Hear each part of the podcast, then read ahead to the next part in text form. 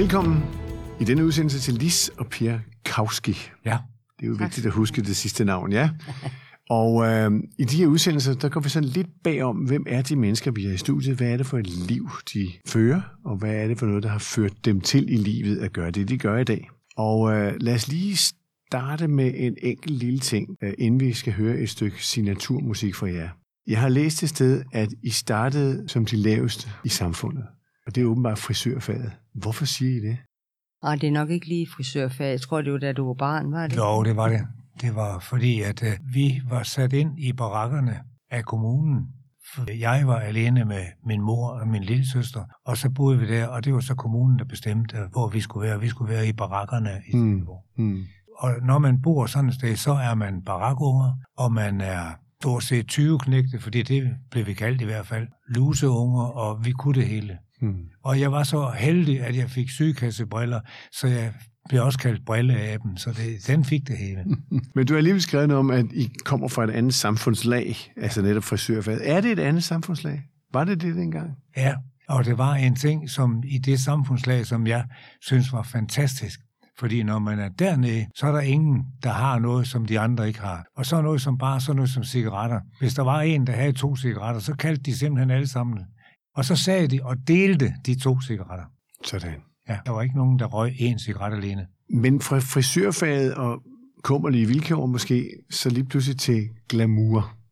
For det er jo glamour at være i den danske top af sanger og musikere. Uanset hvilken genre det er, så vil man altid blive set hen til og set op til, at publikum, publikum kommer og hylder en. Men hvordan skete det egentlig? Fordi her skal vi lige om lidt spille et stykke musik, som måske ingen havde drømt om ville ramme de danske hitlister. Hvad var det? Vi kan prøve at, at fortælle det lidt langsomt eller lidt kort. Ja, Det så, må du godt gøre. så Ja, gør du det det lige. jeg. Så er det mig. Så er det. Ja, nu er jeg jo kommet i Pers hjem, fra jeg var barn. Og Pers mor sang meget, så jeg lærte mange rigtige mange sange af hende, blandt andet den, vi skal høre. Og så sad jeg, jeg havde en frisørsalon, og der sad jeg så og hørte radioen formiddag, hvor de spillede øh, den sang. Og så blev der sagt i Danmarks Radio, den har vi ikke. Og så da Per kom hjem, så sagde jeg, Mø, den kan vi da godt. Skal vi ikke tage og indspille den, fordi den kender vi jo. Jamen, det kunne vi jo godt. Så vi øh, fik lavet en single-CD med jeg, ja. cigøjner, Ja, ja, ja. ja. Ja, det var det godt. Det ikke spørge, ja. og de nære ting på den anden side. Og så øh, var vi så naive og tro, at så kunne vi bare sende den til Danmarks Radio, og så blev den spillet. Men vi hørte jo aldrig noget til den, faktisk. Hmm. Fordi den skulle jo registreres, det var vi ikke klar over. Men vi gjorde det for sjov, fordi vi havde hver vores fag dengang. Så gik der nogle år, så blev vi ringet op af en lokalradio. Jeg tror, Radio Viborg var den første, der blev startet. Og så er I klar over, at I har et hit? Nej, sagde vi. Hvad er det for net? ja, det var jeg og Sigøjner. Hvor kan man købe den? Jamen, det ved jeg ikke, sagde Per. Det skal jeg lige prøve at undersøge. Og så ringede han op i et studie og sagde, vi er nødt til at lave 12 numre meget hurtigt, fordi vi skal have den der ud. Og det gjorde vi så, fordi vi kunne mange gamle sange. Og så lavede vi en kassette med 12 numre, hvor jeg og Sigøjner er på. Og så ringede han til radioverdenen og sagde, nu ved jeg, hvor I kan få den. og så solgte vi i løbet af 3-4 uger 25.000 kassetter. Hold da op. Vi var i København og få en sølvkassette. Det tror jeg ikke, der er ret mange, der har fået. Ja, det var en lille sjov ting også, synes jeg så, fordi så, hver gang vi så skulle lave en ny plade, for så blev, kom vi jo pludselig i gang med at lave plader. Det var jo slet ikke vores mening, at vi skulle gå den vej. Så kom vi i gang med at lave plader, og øh, hver gang, så skulle vi altid lave Jeg og Sigøjner, den skulle være der på. Og da de sagde det tredje gang, så sagde det, så ville vi bestemme, hvem der skal spille. Okay. Så det skal så være Bent Vig og John Godfredsen. Og det var så Fesser også på, øh, hvad hedder det, kontrabas. Og så havde vi Olof, Olof Winter Petersen fra, øh, var det Han Peter Bellis gamle band? Ulvene engang. Ulvene. Det, ja. Og så sagde han, vi skal have Vandy Torik på. Så sagde jeg, "Men det kan vi det. Ja, han skylder mig en tjeneste, sagde så. Og Den han gamle kom, Ja. violinist Van de Torik. ja, Ja, ja. og han kom, og hvor var han et sødt menneske. ja, hold. Hmm. Hmm. Så vi skal simpelthen lytte på det, der var jeres debut, kan man sige. Ja. Ja.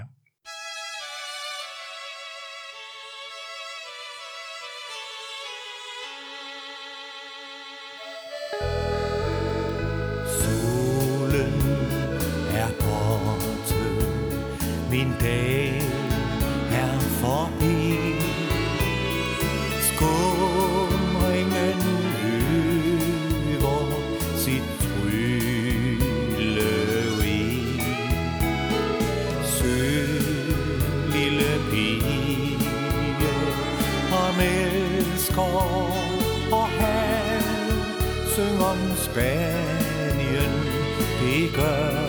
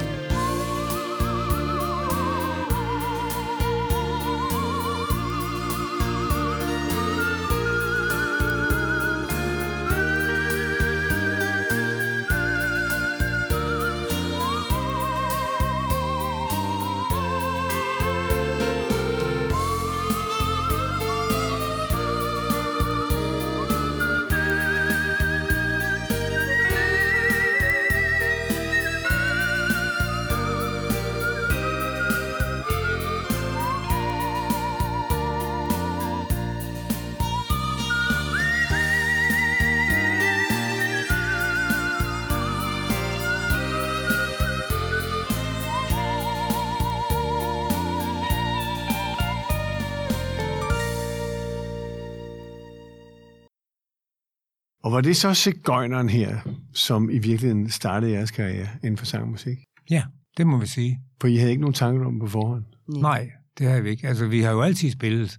Ja. Ja. Vi, så- vi har jo altid sunget sammen. Vi, havde jo, vi gik jo i fritidsklub, og øh, så skulle vi jo ud og underholde på noget, der hed Sønderport i Silkeborg. Vi er jo ikke anden børn, jo. Jeg jeg, og jeg har fået en, vi har fået en, jeg har fået en harmonika i konfirmationsgave. Og så lærte jeg lige så at spille tre numre, også på en harmonika. Så spillede vi harmonika sammen på Sønderport. Kæmpe succes, fordi det var jo alle forældrene, der var der, så det var stort. ja, det var vores første optræden. Og hvad gjorde så den her Sigøjner ved jer, da I lige pludselig, da I lige pludselig fandt ud af, at der var altså bud efter det her 25.000 eksemplarer? Vi startede i 1982. Der startede vi med at tage ud og underholde. Der var vi sådan lidt begyndt. Hmm. Og så var vi ude et sted øh, for Mr. Miller.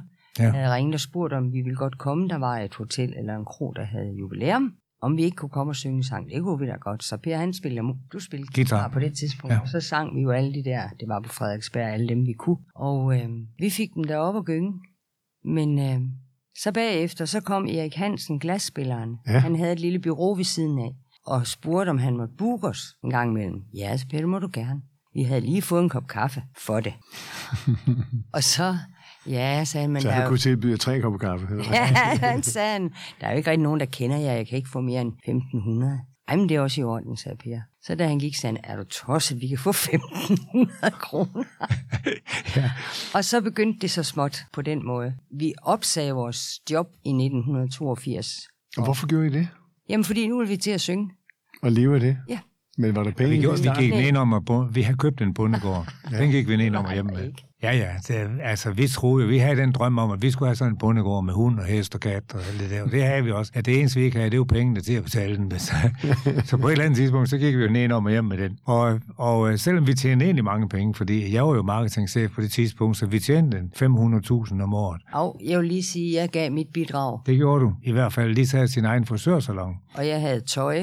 Ja. Jeg solgte tøj, jeg Ja. solgte hundefoder. Ja, men det er jo godt. Vi havde det godt. Men ikke nok til, at vi kunne betale bondegården.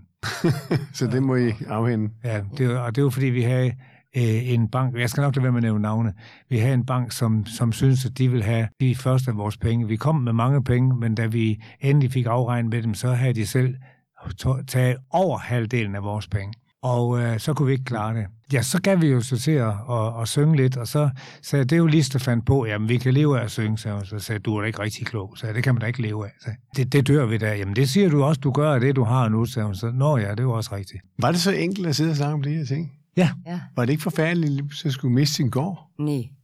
nej. Jeg længtes tilbage til, Ja. hvor vi kom fra. til byen? Ja. Men jeg, nej, ikke til byen, også til landet. Vi, Til landet, boede, ja. på, vi boede på landet, men ja. alle vores kontakter og venner og sådan noget, de var deroppe. Og jeg tror, det binder lidt hårdere, end man regner med, når børnene der, hvor de er vokset op. Ja. Så vi ville tilbage, så vi Ja. solgte gården, og så tog vi tilbage, og så slog vi en streg, og så begyndte vi, troede vi, at, at leve fedt. Nej, Ja. det vidste vi godt, vi ikke gjorde. Men at leve kun af ja. musikken. Og det første år, i 1982, der omsatte vi 68.000. Ja. Og så så, ringede det ned på skattevæsenet, at det kunne man ikke leve af. Nej, det har vi fundet ud af, sagde men det er vi jo nødt til. Ja, Og vi til- har ikke flere Jeg har tilbragt rigtig mange dage og timer nede ved skattevæsenet, skal lige hilse at sige. Jeg blev rent faktisk på et tidspunkt, der blev jeg også nærmest i familie med bandefoden, for det, vi kunne jo ikke betale 68.000, og så alt det, vi har sat i gang, det kunne vi slet ikke betale. Så hvad levede I af? øhm, gode venner, og vores ja. børn fik ikke nyt tøj det første år, og der var mange ting, vi måtte mangle. Ja. Men øh, det kom vi jo også igennem. Hvordan havde jeres børn det med det her? Jamen, de havde det fint nok. Ah, Lone, Lone var flyttet hjemmefra. Den Hun boede i Silkeborg, den mm-hmm. ældste. Øh, de to andre, jamen, jeg tror, de har accepteret det. Sådan var det. Men man kan sige, at fra at du kom fra en barak Ja, til at have en gård, ja, og så til at miste den, Ja. så er du alligevel stedet i graderne, kan man sige. Ja, jeg har synes, at det er gået rimelig godt. Jamen, jeg tænker også på, at I nåede jo ikke ned på barakplan. Nej, nej. Nej, det gjorde vi Der, ikke. der var en udsigt til noget, der var bedre, Vi ikke? havde nogle meget gode venner, og øh, de havde købt en ejendom. Og så, så siger han, se nu at få solgt, og så kom hjem. Og der havde de et bliver- hus på så bliver- 250 Så bliver kvadratmeter. mit hus stående til jer, og så kan I, I bo i det for en billig penge. Hmm. Og vi boede der for 1.500 om måneden, alt inklusive. Wow. Ja. Og det gjorde vi Varme tre og år. strøm og det hele. Ja. Ja, Og Det var så, kærlighed, hva'? det var Ja. kærlighed. Det var det. Og så efterhånden, så begyndte vi jo godt, at vi fik jo ikke lige pludselig så meget at lave, men det var lidt. Så begyndte det sådan lige så stille. Og så kommer vi op til 1989, da vi skulle lave vores allerbedste år. Det, og det var ikke meningen, Og der at kom- det skulle hedde det. Og der synes jeg, at vi, vi kan godt tillade os at sige, så kom vi op til det meget udskilte pladeselskab Move, hvor Birge også var. Og jeg må sige, at vi fik en fantastisk behandling. Og det var ham, der satte alt det i gang med, og med, med vores allerbedste år, og det var der, vi lavede pladen med. Og det var ham, der sørgede for, at øh, hvordan det gik til, det ved vi ikke engang selv, men pludselig så var vi altså på tv med vores allerbedste år. Hmm. Og øh, vi var lidt spændt på det, så tre dage efter, så ringede vi op til Mogens og sagde, hvad, sker der ikke noget? Så sagde han, uh, vi har ikke tid til at snakke, sagde han. Så vi sælger se det, så vi er helt blå i hovederne, lige så pære det hele, sagde han. Så vi ringer, sagde han, farvel. Og det Så var Mogens. Villadsen fra Det var Mogens, pladselskabet det var Mogens Villersen. Netto Ja. Og han er Ja. bare en dejlig mand, uanset hvad folk de siger. Vi har aldrig haft noget at sige ham på. Og så gik der bare hul på bylden. Ja. Det skal jeg lige love for. Ja, Skal vi ikke lige høre vores allerbedste år? For det, Jo. det er ligesom det, at gennembrud for alvor kommer. Ja. ja.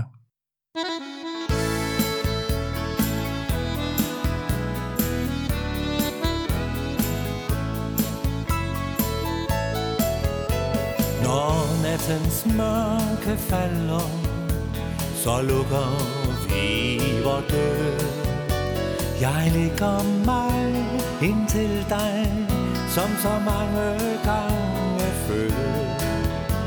Jeg har en ven at elske, og at dele livet med. Du får solen til at skinne, selvom regnen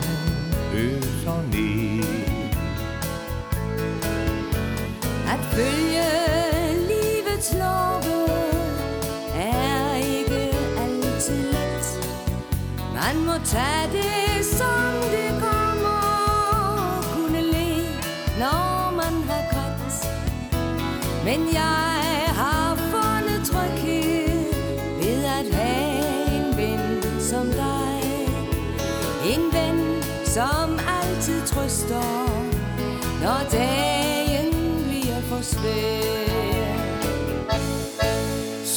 de år, vi har tilbage, blive de bedste i vort liv. Den lykke, som vi føler, lad den vare livet ud.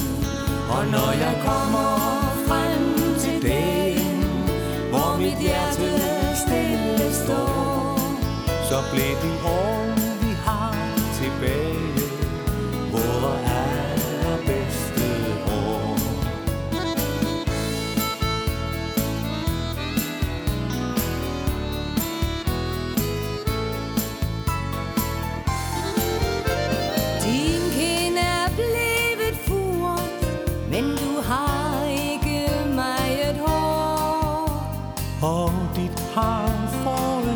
fået i livets efterår. Men selvom vi forandres, vil noget vare ved. Den vokser kun med tiden, det er vores kærlighed. Så lad de år,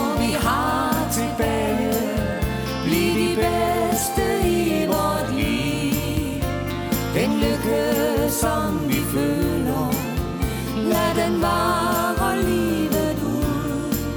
Og når jeg kommer frem til den, hvor mit hjerte stille står, så blev de år,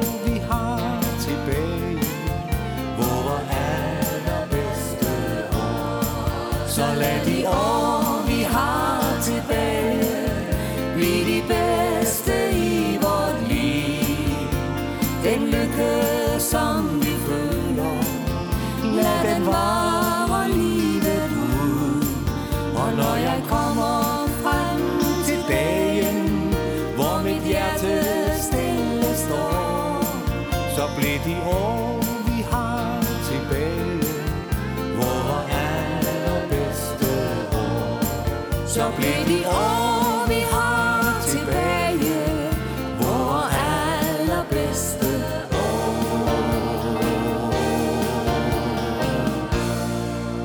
Allerbedste år. Men dem har I vel haft nu, eller hvad?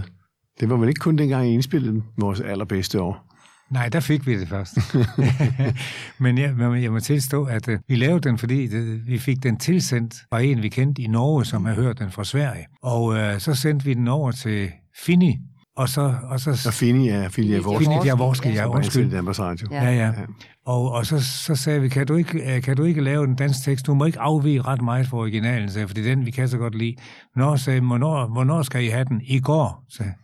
For vi var i gang med planen, det var det sidste, vi skulle lave. Vi havde egentlig lavet den, så fandt vi ud af, at vi ville bytte en ud. Og så lavede vi den der, og så om natten, så skrev han den, og så fik vi den næste morgen, da vi kom i studiet, der lå teksten oppe i studiet. Her var hurtigt. Og siden er det jo gået slag i slag med rigtig mange sange, øh, som I selv har udvalgt. Ja. Ja. Og hvorfor er det, I selv vil udvælge det stof, som I har med at gøre? Fordi Må jeg? ofte er det jo sådan, at- pladeproduceren siger, nu skal I synge den og den Ja. og den. Ja. Ja. ja, men det er fordi, vi har, for det første har vi altid sagt til pladestudiet, når det var, at de spurgte, om vi ville arbejde for dem, og sådan, så er kun på en betingelse, vi vil selv bestemme, hvad vi skal synge. Og hvorfor? Fordi vi har en holdning. Vi vil ikke synge ord, som vi ikke kan lide. Og vi vil ikke synge tekster, som vi egentlig ikke siger os noget. Vi vil kun synge noget, som vi selv kan lide. For ved, tænk nu, hvis det bliver et hit. Tænk, som nu vores allerbedste år. Tænk, hvis ikke vi havde kunnet lide den. Jeg tror, vi har sunget den 4.000 gange, hvis det kan gøre. Og, og vi er stadigvæk lige glade for at synge den. Og der mener det har været en af vores grundholdninger, at vi vil ikke overhovedet synge noget, som vi ikke kan lide. For tænk, hvis vi kommer til at synge det igen og igen og igen og igen. Så Det havde er den ene også, ting, og så bryder vi os ikke om tekster, som indeholder ting, som vi synes ikke er forenlige med vores måde at tænke livet på. Men så havde vi jo også det, Per, at mange af de gamle sange, som, som vi lærte som børn og unge, de havde jo en start og en historie og en slutning. Og det har vi også prøvet meget at finde frem til. De skal fortælle noget. Mm. Og hvor allerbedste år for eksempel, det ved vi jo fra, fra andre mennesker også, de siger, at den er helt fantastisk, fordi man kan lægge sin egen oplevelse og sin egen historie ind i den, så den er blevet øh, manges sang, fordi at den siger så meget uden at sige en masse ord. Men når I så vælger de her sange, hvad siger pladselskaberne så? Fordi der er jo nogen, der skal finansiere det her. Så siger de jo nok, ja, men øh, den kan vi nok ikke. Øh, så lad I bare være med at sælge det. Det finder vi selv ud af det så. Og det var jo også det, der endte med, at vi lavede vores eget selskab. Af flere andre årsager også end det. Det er simpelthen lavet jeres eget. Ja. Ja. Og øh, en af de ting, som jeg har tænkt meget over med netop jer to, når nu I så kommer fra frisørstanden og den gamle bragte, jamen det er der mange af rockmusikerne, der også er kommet fra de kår, Ja. og blevet store stjerner. Ja. Så kommer I jo ind i en anden stjerneverden, nemlig danstoppen, som ja. Ja. nogen så ned på, og nogen så op til. Hvordan Ja. befandt I jer der? Udmærket. Fint. Og, og når folk sagde, jamen er det ikke en, en grim branche ved i? Nej, det oplever vi ikke. Så. Ja, det er nok fordi, vi er for dumme, sagde, fordi vi lægger ikke mærke til det. Sagde. Vi synes bare, at det er dejligt, når der er nogen, der synes, det er godt. Vi har den holdning, sagde, hvis folk de synes, vores musik er godt, så bliver vi rigtig glade. Og hvis der er nogen, der synes, det ikke er så godt, jamen det kan vi have stor respekt for, fordi der er jo heller ikke alting, vi kan lide. Jo. Sådan er det jo. Vi er jo forskellige. Alle mennesker er forskellige. Men er det dansk pop, eller er det bare folkemusik? Det er en blanding, fordi vi har jo aldrig skilt til, at det skulle være dansk top. Hmm. Og jeg kan huske Johannes sagde til, en gang- til os en gang, I Ja, nu er du nødt til igen at fortælle, hvem er Johannes? Oh, Johannes Rasmussen fra Danmark. Til Danmarks Radio, ja. Ja. Han sagde, at I er så svære at placere, for I har ingen stil. Jo, sagde Per, det har vi. Hvad er det, at vi har ingen stil? For hvis vi har et stykke musik, vi godt kan lide, eller en, en sang, vi godt kan lide, jamen så laver vi den. Og så øh, behøver det ikke at være dansk top. Vi har mange visepræget sange, som blandt andet Johannes Rasmussen har skrevet til os. Mm. Og vi har også nogle lidt countrypræget, vi har nogle lidt jazzet. Og, altså, Jazzplay og sådan noget. hvis vi kan lide det, Men I Så bliver gør vi det. betragtet som dansk top, ikke? ja. Jo, Nej, det, vi bliver, man, det er jo fordi, man skal have lagt et eller andet sted hen, så bliver man jo lagt i en eller anden bås, og så er det det. Og det er fint med os, fordi jeg synes, danstop, det er lige så godt som alt andet.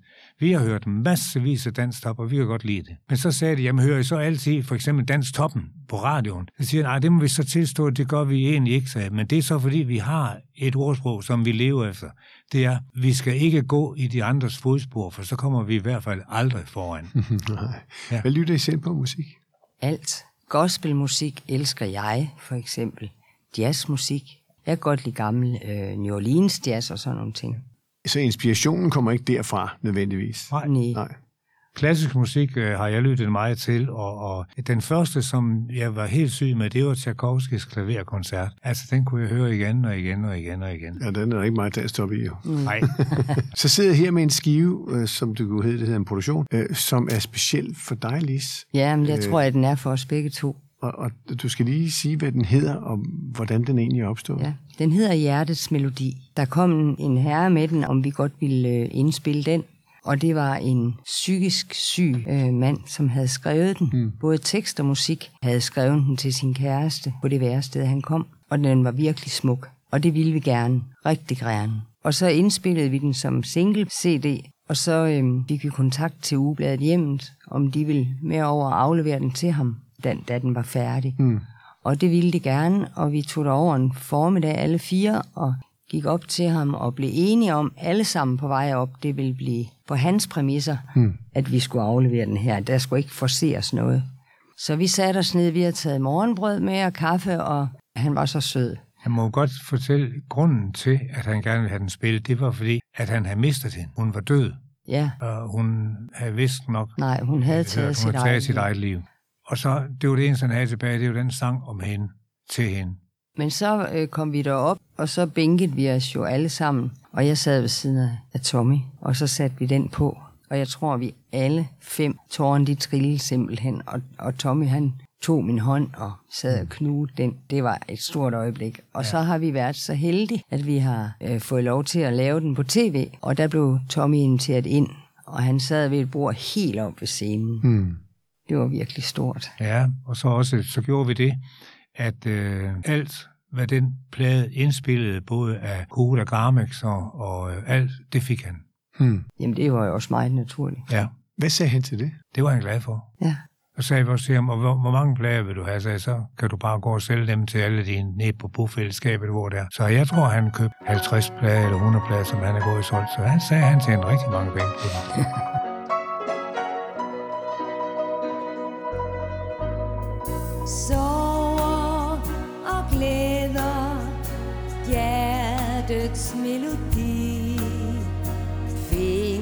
Findes alle steder.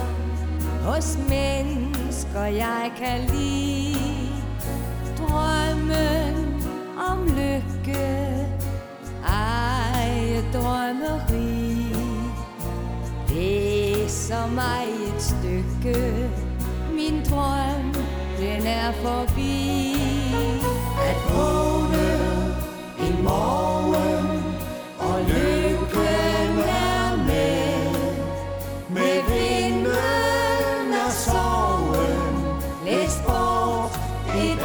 Andet Når solen den skinner På jorden et sted Mit hjerte nu finder en hånd at danse med. Kvinden forventer, han er ung og klog. Penge tit han henter, har viden som en bog. Jeg føler mig lille, som en slagen mand. Ensom i du ville, en tanke, der er sand. At vågne en morgen og løbe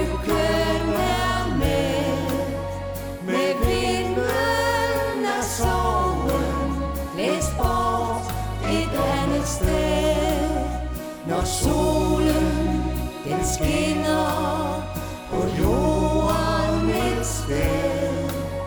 Mit hjerte nu finder en hånd at danse med.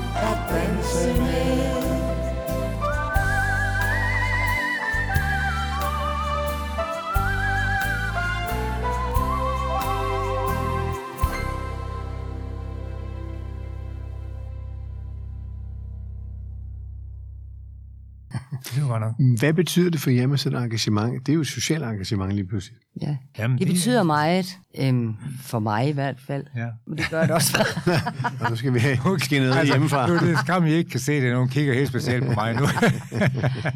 Det betyder utrolig meget. Uh, ikke, ikke, ikke kun det der, men at du, hvis du kan gøre nogle mennesker glade, altså, og, jamen det ved jeg ikke. Det betyder rigtig meget. Har det noget med jeres baggrund at gøre oprindeligt? Ja, det tror jeg. Altså helt fra barns ben? ja. Jamen det tror jeg egentlig. Omsorg og kærlighed? Ja, det havde jeg meget af. Jeg er adopteret. Jeg er eller adoptivbarn, men jeg har altid vidst det og fået det at vide i en meget, meget tidlig alder. Mm. Der har aldrig været noget skjult for mig. Og jeg har haft synes jeg, verdens bedste forældre. Ja, mest jeg kærlige forældre. Og opoffrende forældre. Når Det har vi gik i byen om lørdagen, fordi vi var begge to i lære som damefrisør, så vi havde ingen penge. Så jeg fik altid en 50'er stukken i hånden af Lises far, når vi gik i byen. Så derfor, jeg turde slet ikke at slippe Lise igen. Fordi, hvor skulle jeg så få de 50 kroner fra? Min far var træskomand, og jeg har i hvert fald, jeg har aldrig manglet noget. Og efter jeg er blevet voksen og kan tænke lidt på en anden måde, så har jeg fundet ud af i hvert fald, at de har måttet undvære meget for at give mig. Og det er kærlighed. Ja, og, og jeg har aldrig, aldrig manglet noget af nogen ting. Så når vi ser på, på jer som danstopstjerner, ja. som jo mange synes, Ja. sådan, sådan er livet jo, Ja.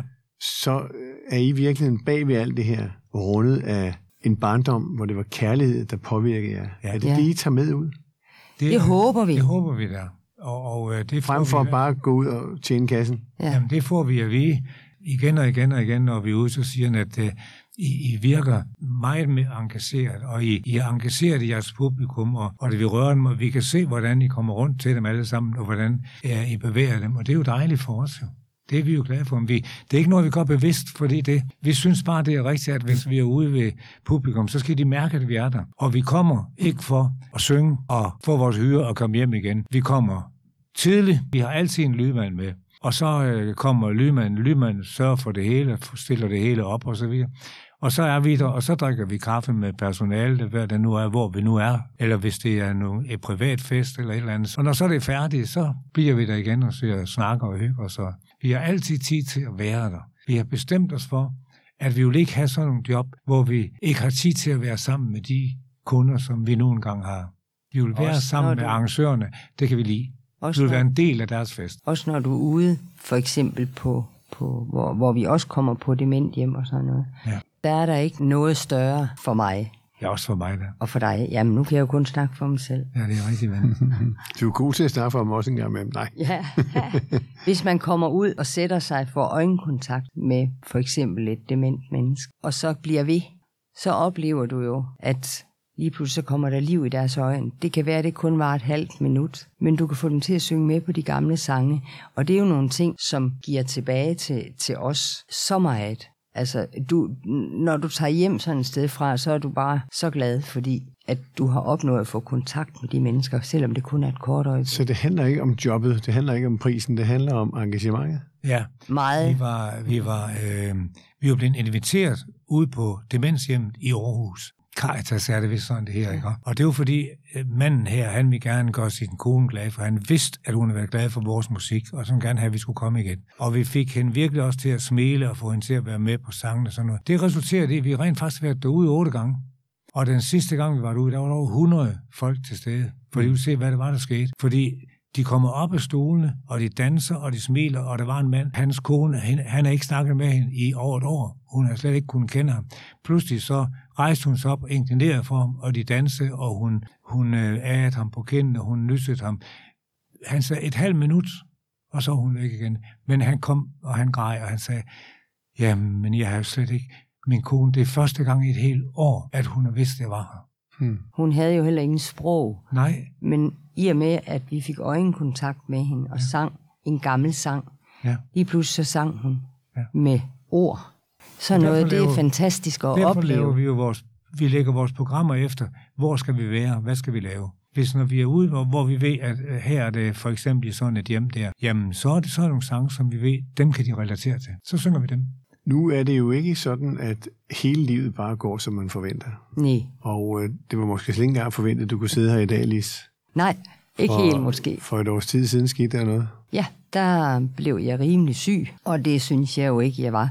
Og jeg var ved lægen, og jeg, der blev heller ikke rigtig gjort noget. De synes godt nok, jeg så lidt træls ud, men øh, jeg blev sendt hjem igen. Og så øh, skulle Pia ind på apoteket og hente noget, og havde glemt et eller andet, hvad det nu var. Det har du vist ikke fundet ud af endnu. Nej, det har jeg ikke. Ja. Vendte om og kom hjem, og der lå jeg rodet rundt ude i gården. Så kom Gitte, den yngste af vores piger, hun havde fået en tilskyndelse, at hun skulle tage hjem. Og hun kom også hjem og sørgede så for, at jeg kom på hospitalet. Ja. Øhm, og det var så meget kort en voldsom blodforgiftning, ja. som... ja, det var så voldsomt, at der var på et tidspunkt, der var der tre sygeplejersker og en læge til at holde hende fast i sengen.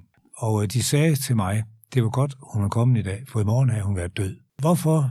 Det, det har jeg lyst til at fortælle. Jeg tror, at, vi kom, at jeg kom hjem. Jeg tror, jeg fik en eller anden fornemmelse af, at jeg var nødt til at køre hjem nu. Øh, så jeg vendte bilen. Og det er fordi, jeg har altså en tro, som følger i livet på, til både Lis og mig, det har vi begge to. Vi tror på, at Gud han er med os, og han passer på os, og han sørger for, at tingene de bliver, som de skal være. Ja, og vi tror på, også- at det er sådan, det gik til. Sådan siger to dansstopstjerner. Ja. Ja. Og som, som Gitte siger, jeg sagde til Gitte, tak fordi du kom hjem, men det var Gud, der gav dig ligesom besked. Så sagde hun ja, og tak også mor for, at jeg var lydig. Men det er jo ikke mange år siden, at du skældte din egen søn ud. Ah, Nej, det er være nogle Det er år siden. men, nu er det, men det er rigtigt. Men du skældte din egen søn ud. Ja, ja, fordi han var jo begyndt at gå i en frikirke, og sagde til ham, hvad er nu det for noget? Sagde jeg, og jeg var helt overbevist om, at det var noget frygteligt, noget sekterisk, noget og sådan noget, så jeg sagde, det, og det er måske ikke godt nok at gå i, i folkekirken, fordi du er både blevet døbt og konfirmeret, og, og, øh, og, og vi andre, vi blev gift i kirken, og så videre, så videre. Så øh, du behøver ikke at gå et andet sted hen. Jamen, vi skændes meget om det. Og øh, så sagde han til os på et tidspunkt, at øh, far, du kan ikke være bekendt at skændes sådan, fordi du ved slet ikke, hvad det er. Du kunne da godt i hvert fald prøve at tage med dig ind. Og det må jeg indrømme, det, det gjorde både Lise og jeg, vi tog med ham i kirke. Og så fandt vi ud af, at der var mange mennesker, vi kendte inde i den kirke. Ja, som jeg plejer at sige, så, så og det er det, det, der var forbavset mig. Det var de, de virkede ellers helt normalt, før jeg vidste, at de gik i kirke. men, øh, men nu fik jeg jo min tvivl. Vi var, vi var sådan lidt, okay, det var lidt frem og tilbage, men altså, jeg må indrømme, at Det var, det var fremmed for jer. det var fremme for os. Nok lidt, ja. Men, Men, øh, det, som vi faldt for efter, der er utrolig mange unge mennesker. Jeg kan sige, at kirken i dag, som vi har, der er nok, vi har en afdeling i kirken, der, der er nok halvanden hundrede unge mennesker. Der er bare rigtig mange. Og det er sådan en frikirke. Det er en fri, frikirke. Der er rigtig Det er en evangeliske frikirke her den. Så Og- du måtte bøje dig i støvet Ja, det måtte jeg. for din søn og sige undskyld. Det måtte jeg gøre, ja. Det har været fantastisk lige siden. Jeg, I dag kunne jeg slet ikke leve uden kirken. Og hvor er jeres fremtid hen? Den er nok der, hvor den, Den er ude på Nørregårdsvej nummer 5 ude i der, det er dem fra Værum. Og, og det ligger vi aldrig skjult på. Og vi har nogle dejlige naboer, og det er så skønt. Og en dag, der kom der en af naboen, for han var altså heller ikke tabt bag en vogn med hensyn til at være lidt witty. Så kom man, så siger han, Per, du sagde ude på terrassen den anden dag og spillede på din harmonika. Ja, så jeg, det gjorde jeg. Sagde, "Ja, kan du ikke lige komme over og spille over ved mig? Jo, det kan jeg da godt, sagde Skal du have fest? Nej, alle dine muldvarper, de løber over til mig. Det vil jeg gerne have, de løber hjem. Så, så. og, og sådan er Det er lyden. hyggeligt nok. Men jeg tænker på jeres øh, sang og musik. Hvor lang skal I blive ved med det? Så længe vi, vi, Indtil vi bliver kaldt hjem. vi siger også, ja, og vi siger gerne, så længe folk gider at høre på os, og så længe vi kan blive ved, Ja. så bliver vi ved. Og kaldt hjem, hvad mener du med det, Per? Jamen, jeg mener simpelthen det, at jeg har den tro på, at når vi, når vi ikke skal være her mere, så skal vi være øh, ved Gud eller ved Jesus. For det er rent faktisk det, det hele det handler om. Snakker I med jeres kollegaer om det? Ja da, Ja, Hvad siger det til det. det? Ja, nogen synes, ja det vi er bombarderer dem ikke, men Nej. øh, Nej. hvis, hvis de spørger, så svarer vi. Ja. Og jeg kan, jeg kan huske, at øh, vi var til en fest en gang, og det, det var vældig, så øh, blev jeg sat for bordenden af en eller anden årsag, og det var en af kollegaer. Og så vidste de jo godt, de kendte jo godt vores holdning. Der blev så sagt, at øh, den, der ser for bordenden, skal sørge for de andre. Nå. Og så begyndte de at sige, Per, kan du ikke lige hente et, en øl til mig? Jo, jo, det kunne jeg godt. Og så var der en anden en, Per, kan du ikke også lige til mig? Og jo, jo, jeg løb og løb. Så tænkte jeg, det gider jeg ikke mere. Så stod der to store kander vand på bordet. Så tog jeg dem med ud, så tømte jeg dem, så fyldte jeg øl i dem. Så stillede jeg dem ind på bordet. Så sagde de, Nå, Jesus han lavede dels vand om til vin. Ja, men jeg er kun i lære, sagde. Og således opmuntret af jeres gode humør Ja. og jeres måde at arbejde på. Ja. Forhåbentlig i mange kommende år skal vi slutte med et af jeres numre. Ja, Sange er det jo, det er nogen, I udvælger selv. Ja, Tak fordi I vil være med. tak fordi vi selv måtte tak, være med. og tak fordi I måtte være med.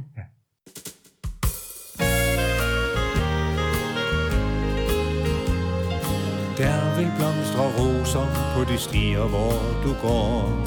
Solens lys gør alle marker grønne. Hvis du rækker hånden til en ensom vandringsmand, tændes alle lygter, og din lykke den bliver sand. Du er en vandringsmand i livet, når du går der på din vej. Få det bedste ud af dagen, som du har. Skal du sprede Så vil du få venlighed til svar. Du er en vandringsmand i livet Vær retfærdig mod en vær Alle gode drømme, de skal vare ved. Skøn på hver en time, som du lever. Prøv det hele, før du skal afsted. Føler